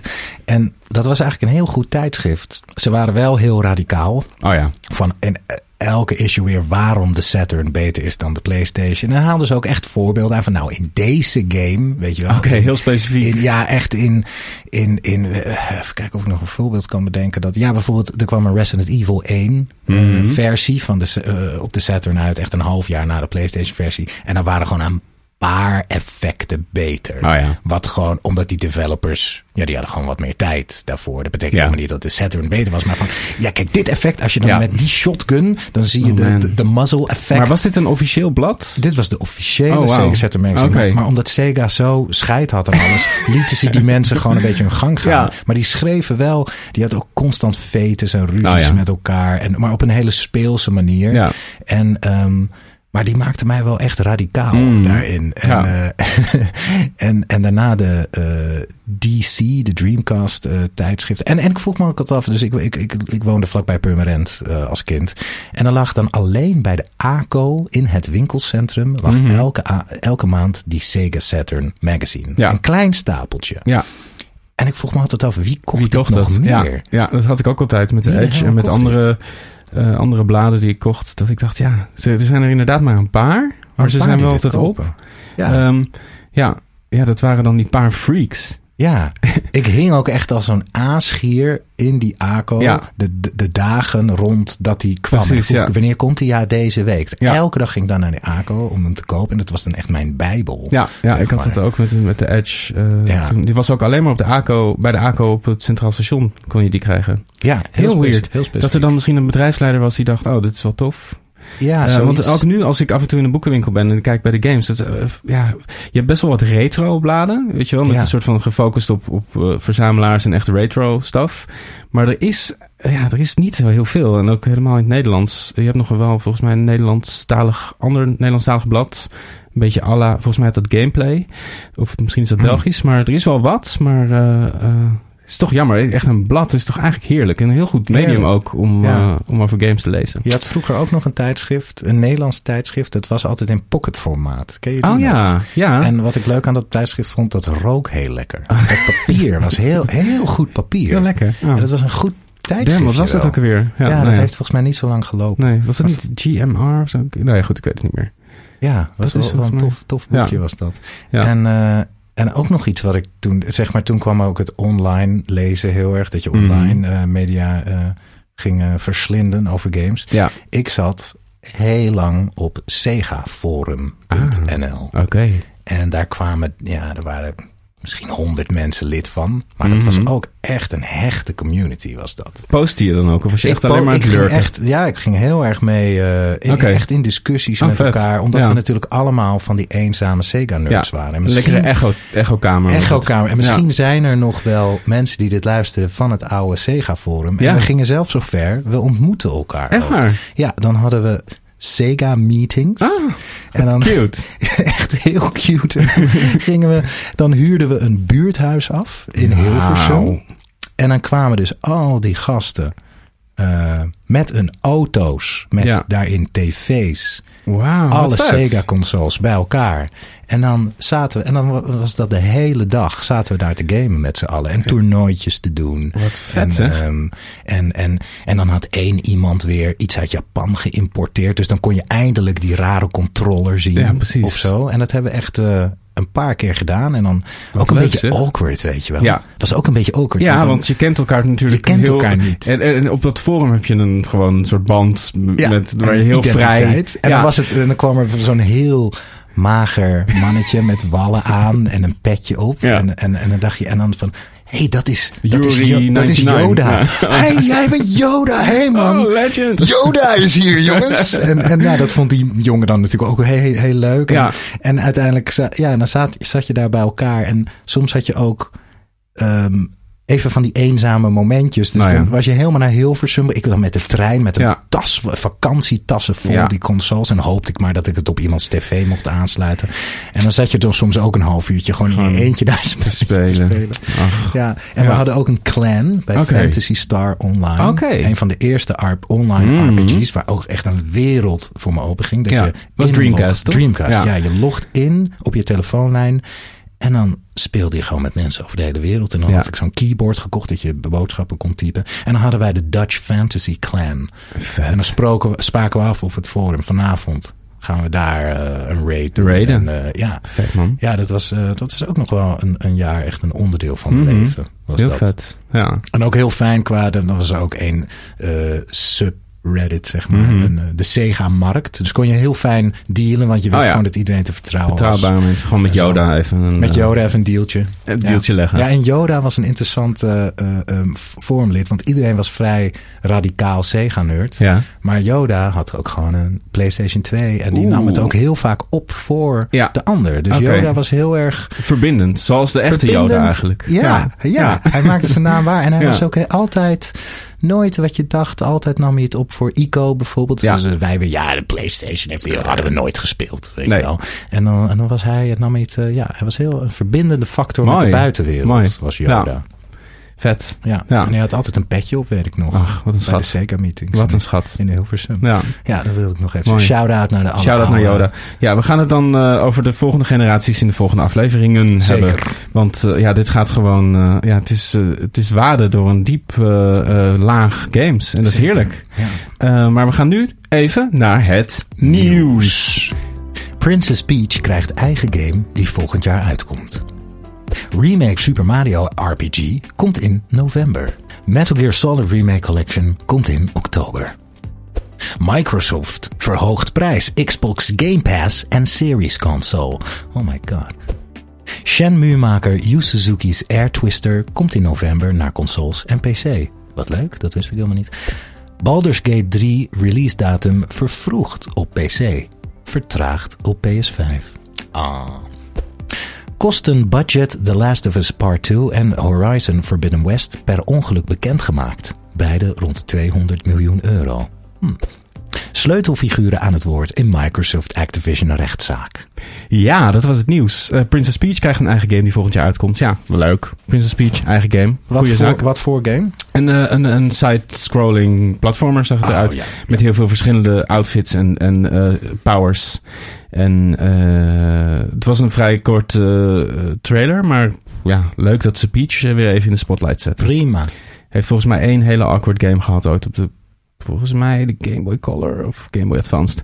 Dus het wordt wel tijd dat zij ook eventjes... Een eigen game ja, mag ook. Maar daar, komt, daar zit er natuurlijk vast alweer multiplayer in. dat je ook met Mario... Denk ik ook, alhoewel dat in de trailer volgens mij niet zat. Maar eh, Ja. ach ja, ze, ze trekken al die figuren wel weer uit de kast. Wie kies jij eigenlijk altijd bij Mario? Volgens mij hebben we het hier over Ja, gehad bij Toad. Mario Kart. Toad. Ja. Oh ja, ik in de platformers ook altijd Oh ja. Toad. Ja. Ja. ik eigenlijk altijd. Uh, uh, we hebben het erover gehad, ja. De, in Mario Kart is het een nogal newbie eh, keuze. Maar Ja. ik hou gewoon van Toad. Gewoon een klein, klein manneke. Gewoon een klein, klein manneke. Ja. leuk. Ja. Ik vind remake- Shy Guy oh. ook... eh, nou, Shy- Shy Guy is ook leuk. Ja, zeker. Dat Ja. vind ik ook lief. Ja. Ik, eh, ik ook Villager van in, in Mario Kart 8 doe ik ook vaak Villager, omdat hij een klein beetje op mij lijkt. Oh, dat poppetje. Ja. Gewoon dat poppetje. Gewoon het poppetje van Animal. Crossing. Ja, ja, ja. Remake voor Super Mario RPG komt in november. Vind ik heel leuk, want ik heb Super Mario RPG nooit gespeeld.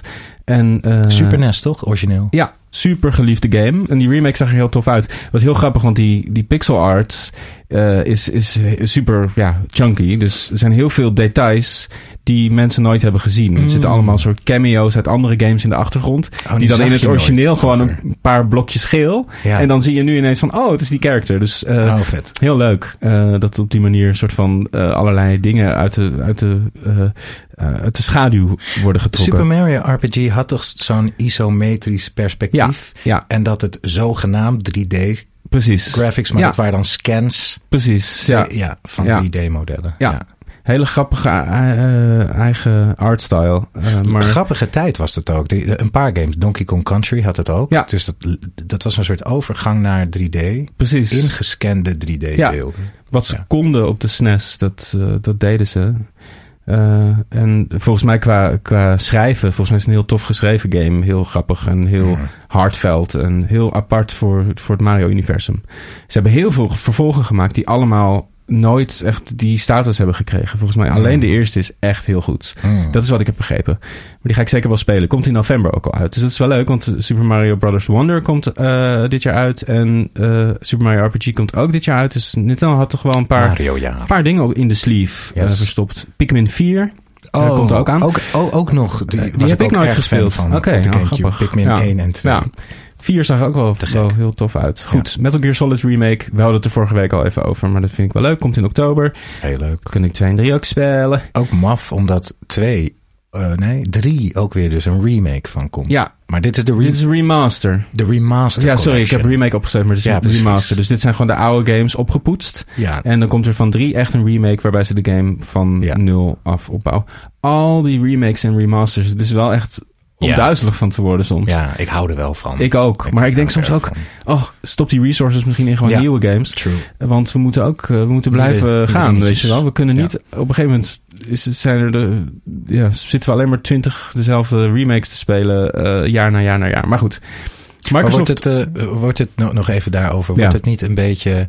Ik vind het ook wel weer een teken dat het, dat het medium volwassen wordt. Zoals eh, eh, Hamlet wordt ook nog steeds Mhm. gespeeld, weet je wel. Dus op een gegeven moment als de, het ding werkt Ja. of zo, dat je het steeds... eh, Nou, het is interessant. het, het, het is inderdaad een, een, nieuw, een nieuwe vorm binnen het medium. Waar ik ben heel benieuwd hoe dat zich ontwikkelt. Of we over twintig jaar, weet je, de zevende versie van Mhm. Last of Us aan het spelen zijn.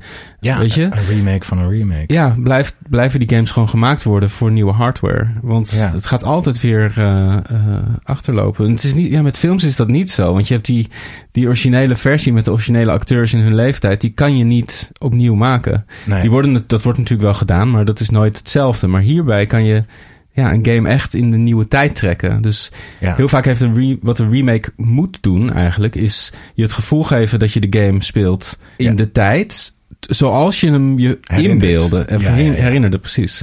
Goed, ehm, Microsoft verhoogt de prijs van Game Pass en Series consoles. Behalve de PC Game Pass, moet ik daarbij zeggen. Eh, en ook omdat jij bezig bent met een Xbox. Ik had- ga er ik zo had het nog even gezegd. Ja, Ja, precies. Je ik gaat ga hem straks zo- halen. ik ga hem waar, straks kopen. waar ga je hem halen? In Hillegom. Hillegom. Ah ja, dat is ook echt zo'n marktplaatsplek. Ja, echt een... Ik, ik heb altijd eh, marktplaatsbuurt, denk Ja, ik altijd. ja. Dat is zo'n soort vaak een beetje net buiten de ring. En dan zo'n nieuwe wijk met eh, keurige voortuintjes. Ja, daar ga ik heen om het te kopen. Dus ik moet, ik moet er snel bij zijn en meteen de Xbox, die Game Pass Precies, doorgooien. ja. Het is dus de vraag of die conversietrick eh, Nog truc werkt. nog werkt. Maar Oh, nu, nu, nog wel. Nu, Nu nog nog wel. maar volgens ja. mij 6 juli gaan die prijzen omhoog. Ah. En, maar ik, eerlijk gezegd denk ik dat het nog wel blijft werken. Maar ik durf het niet eh, met zekerheid te zeggen. Ja, dit kwam ik tegen. Shenmue-maker Yu Suzuki's Air Twister komt in november naar consoles en PC. Daar weet ik eigenlijk helemaal niks van. Wat is het? Ehm, laten we even een trailer kijken. Ja.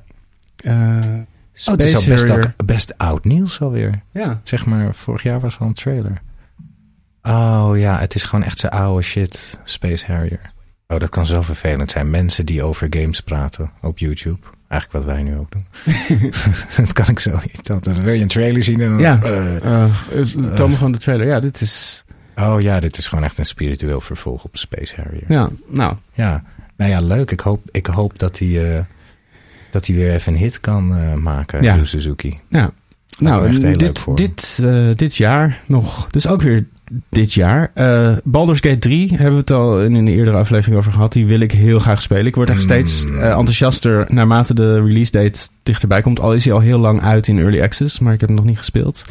Het is dus eh, een game van Larian Entertainment. Een soort van ja, ouderwetse stijl van games. Heel erg geïnspireerd op Dungeons and Dragons. Waarbij je een character hebt en door de wereld trekt met je party. En heel veel keuzes hebt.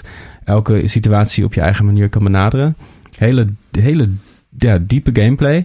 En volgens mij is er 170 uur aan cutscenes. En is er volgens mij vijf keer de hoeveelheid tekst. eh, vijf keer zoveel tekst als de Lord of the Rings series. Dus Ja, het is echt ongelooflijk. Het is- ongelooflijk groot. Het is de cutscenes, eh, las ik, eh, twee keer heel Game of Thrones. ja, Aan cutscenes. ja, precies. Bizar. En dat, is- dat is ook omdat je zoveel keuzes hebt. Dus je ziet nooit al die cutscenes in één Nee, game. Waarschijnlijk nee. maar 20 uur als je Nee, precies. 100 uur speelt.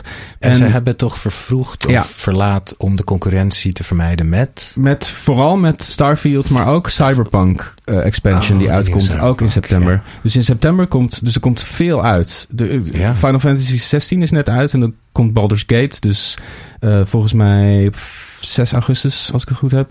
En dan in september komen Starfield en de Cyberpunk 2077 expansion. Die ook volgens mij heel erg vet is. Wat ik erover Ja. heb gezien en gehoord, Goeie dingen, ja. Ja. Ik moet nog steeds deel 1 spelen. Of gewoon Cyberpunk. vond ik Moet toch wel heel, heel erg vet eigenlijk. Ik heb hem dit jaar gespeeld, of eind vorig jaar. Ik kan hem toch wel aanraden. Ja, ik, vond, ik vond het begin ook wel heel vet. En, en Baldur's Gate 3, is dat een beetje iets als Diablo 4?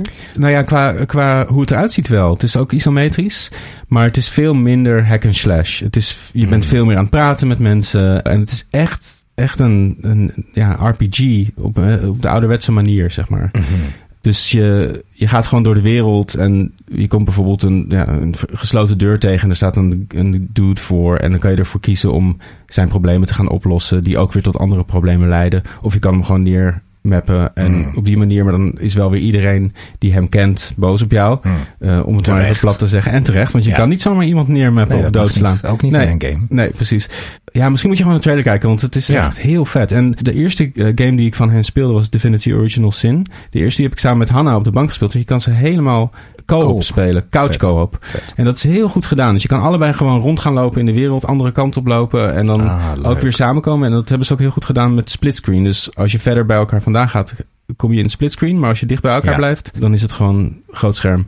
Ja, echt eh, toch wel heel veel zin in. Ook omdat ik echt best wel een D&D nerd ben, stiekem. En is het dan ook met dice rolls en zo? Eh, dat, dat gebeurt achter de schermen, ja. Vet. ja.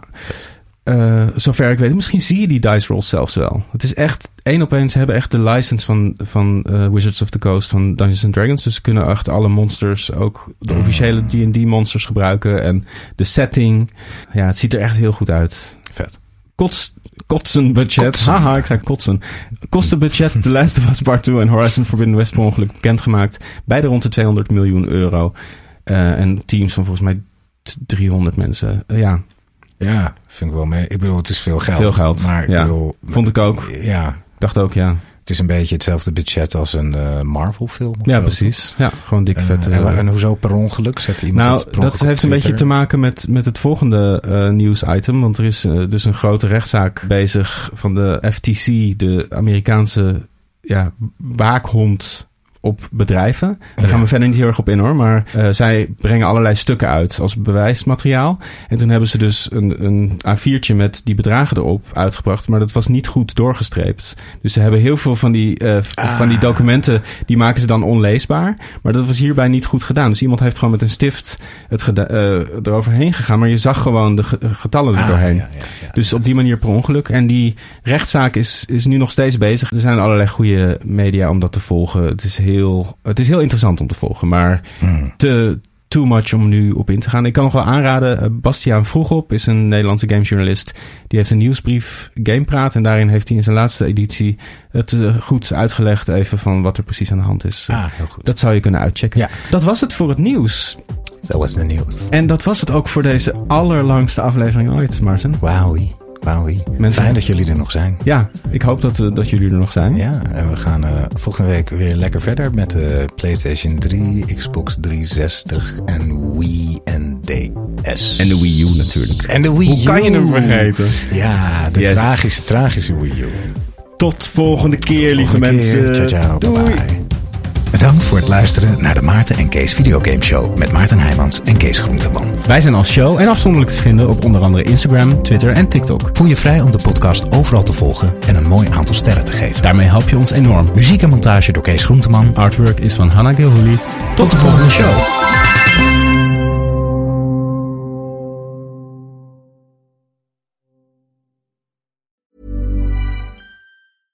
Hey, it's Paige DeSorbo from Giggly Squad. High quality fashion without the price tag. Say hello to Quince.